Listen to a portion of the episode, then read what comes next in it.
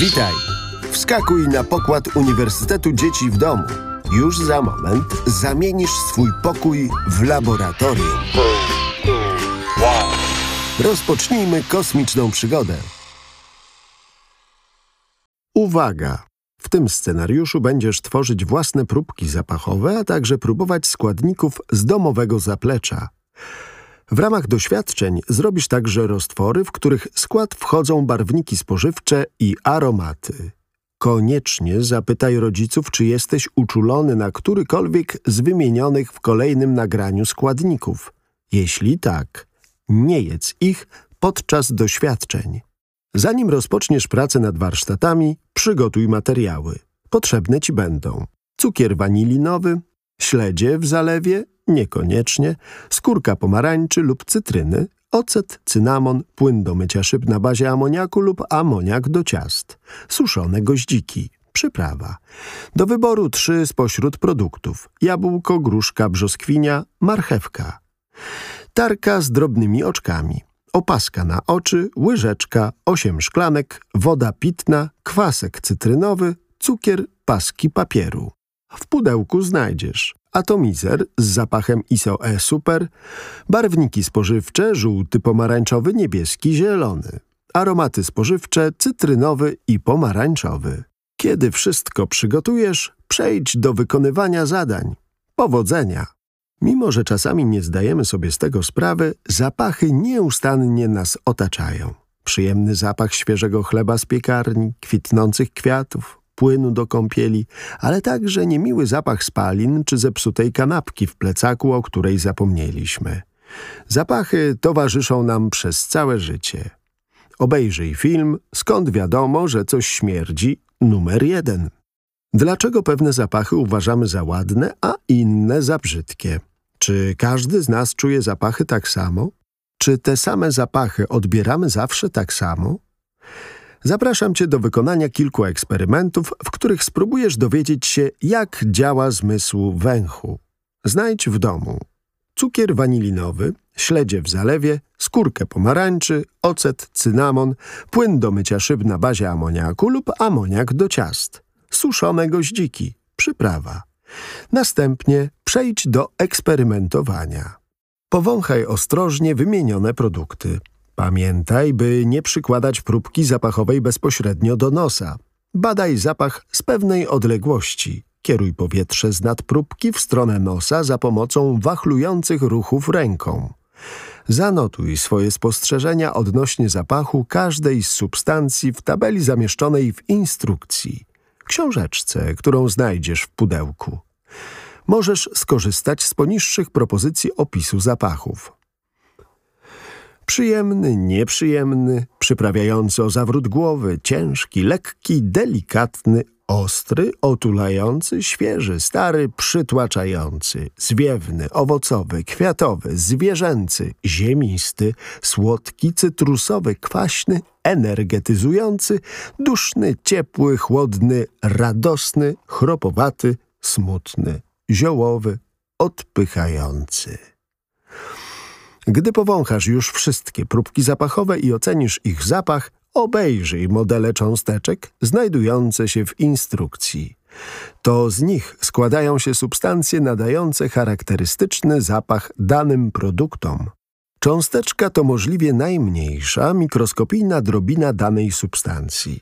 Woda składa się z niewielkich rozmiarów cząsteczek o wzorze H2O. Eteryczny olejek wydzielany przez kwiaty róży jest mieszaniną wielu różnych substancji, a więc wielu różnych cząsteczek. Zastanów się, czy dostrzegasz pewne związki między zapachem próbek, a tym, jak zbudowane są cząsteczki tych substancji? Substancje odznaczające się przyjemnym zapachem charakteryzują się najczęściej dużymi cząsteczkami. Z kolei substancje o nieprzyjemnym zapachu to z reguły substancje, których cząsteczki mają niewielkie rozmiary. Cząsteczki substancji zapachowych dostają się z powietrzem do jamy nosowej, w której znajdują się specjalne receptory wykrywające cząsteczki zapachowe.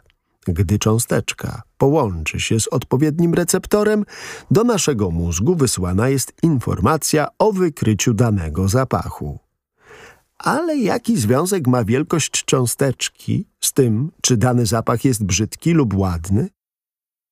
Zauważ, że duże cząsteczki występujące na przykład w pożywieniu pachną bardzo ładnie. Zapach taki zachęca nas do zjedzenia, na przykład dojrzałego owocu. Jednak w miarę, gdy jedzenie się psuje, na przykład gnije, cząsteczki w pożywieniu rozpadają się na mniejsze kawałki. Zepsute jedzenie jest dla nas szkodliwe i może powodować zatrucia. Nasz nos wyczuwa jednak, że z zepsutego jedzenia wydzielają się substancje, których cząsteczki mają niewielkie rozmiary. Rozpoznaje je jako nieprzyjemny zapach i wysyła sygnał ostrzegawczy do mózgu. Czy w momencie naszych narodzin znamy wszystkie smaki i zapachy? Zapachów, tak jak smaków, kształtów, twarzy ludzi, musimy się nauczyć. Jednak to, jak nauczymy się odbierać dany zapach, zależy często od sytuacji, w której ten zapach poznajemy oraz od emocji, jakie nam towarzyszą. Lubimy zapachy kojarzące się z przyjemnymi chwilami. Przykładowo, zapach siana dla jednej osoby może być obojętny, a dla innej bardzo przyjemny bo kojarzy jej się z radosnymi wakacjami spędzonymi na wsi u ukochanych dziadków. Czy ty też masz jakiś zapach, który wyjątkowo dobrze ci się kojarzy i uważasz go za bardzo miły, choć inni uznają go za zwykły? Mam dla ciebie nie lada gratkę. W pudełku znajdziesz atomizer o nazwie ISO-E-Super. To substancja zapachowa, której jeszcze nigdy nie miałeś okazji wąchać. Skąd ta pewność? Zapach ten nie występuje naturalnie w przyrodzie, lecz został opracowany i stworzony w laboratorium. Skoro nigdy nie wąchałeś tego zapachu, nie masz względem niego żadnych uprzedzeń. Nie nauczyłeś się, czy jest to zapach ładny, czy brzydki. W pudełku znajdziesz atomizer z zapachem ISO-E Super. Przygotuj też kilka cienkich pasków papieru. Rozpyl nieco tego tajemniczego aromatu na papierowy pasek, pomachaj nim chwilę i powąchaj. Co czujesz? Jak określisz ten zapach? Z czym ci się kojarzy? Uważasz, że jest on przyjemny, czy może przeciwnie, nie podoba ci się? Przeprowadź badanie ankietowe wśród twoich domowników. Na początku zapytaj się, czy dana osoba wyraża zgodę na wzięcie udziału w badaniu. Jeśli się zgodzi, wyjaśnij, jak będzie takie badanie wyglądało. Następnie zaznacz w tabelce zamieszczonej w instrukcji, jak dana osoba ocenia badany zapach. Czy jest przyjemny, czy nieprzyjemny? Z czym kojarzy się poszczególnym osobom ten zapach? Czy wszystkim ankietowanym osobom zapach podobał się w takim samym stopniu? Czy mieli podobne skojarzenia? Zmysł węchu często współdziała ze zmysłem smaku. Wkładając do ust cząstkę pomarańczy, nie tylko wyczuwasz językiem jej smak, ale także zapach, który poprzez gardło powędrował do górnej części twojego nosa. Przeprowadzisz teraz eksperyment, w którym zbadasz, jak bardzo zmysł węchu wpływa na to, jak odbieramy smak jedzenia. Aby wykonać doświadczenie, musisz wcześniej przygotować starte drobno na tarce trzy spośród następujących produktów. Jabłko, gruszkę, brzoskwinie i marchewkę. Zasłoń sobie oczy za pomocą nieprześwitującej opaski. Możesz użyć szalika oraz zatkaj nos palcami. W trakcie doświadczenia nawet na chwilę nie możesz odetkać nosa. Poproś drugą osobę o to, by podała ci na łyżeczce jeden ze startych produktów. Posmakuj go i spróbuj rozpoznać. Po kolei spróbuj wszystkich produktów i postaraj się odgadnąć, co właśnie jesz. Bez zmysłu wzroku i smaku niełatwo rozróżnić od siebie smak owoców, prawda? A teraz spróbuj powtórzyć eksperyment z zasłoniętymi oczami, jednak tym razem nie zatykaj nosa. I jak? Tym razem rozpoznanie smaków nie było żadnym problemem. Być może wiesz już, że nasz język potrafi rozpoznawać tylko pięć smaków. Słodki, gorzki, słony, kwaśny i umami. Kojarzy się on bardzo przyjemnie. Niektórzy uważają, że jest to smak mleka matki, który pamiętamy jeszcze z czasów niemowlęcych. Ale czy kwaśno-słodki smak cytryny byłby taki sam, gdyby nie jej charakterystyczny aromat? Za bogactwo smaków przeróżnych potraw odpowiada właśnie bogactwo zapachów.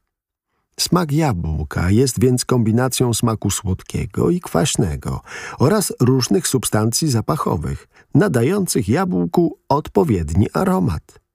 Nie istnieje więc smak jabłkowy, a jedynie zapach jabłkowy. Bez zmysłu węchu, na przykład gdy mamy nos zatkany katarem, jabłko w ogóle nie smakuje jak jabłko.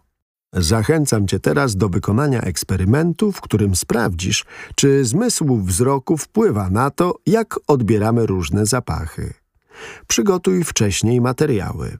8 szklanek, pitna woda, cukier, kwasek cytrynowy, łyżeczka, pisak oraz materiały, które znajdziesz w pudełku. Barwniki spożywcze, żółty, pomarańczowy, niebieski, zielony i aromaty spożywcze, pomarańczowy i cytrynowy.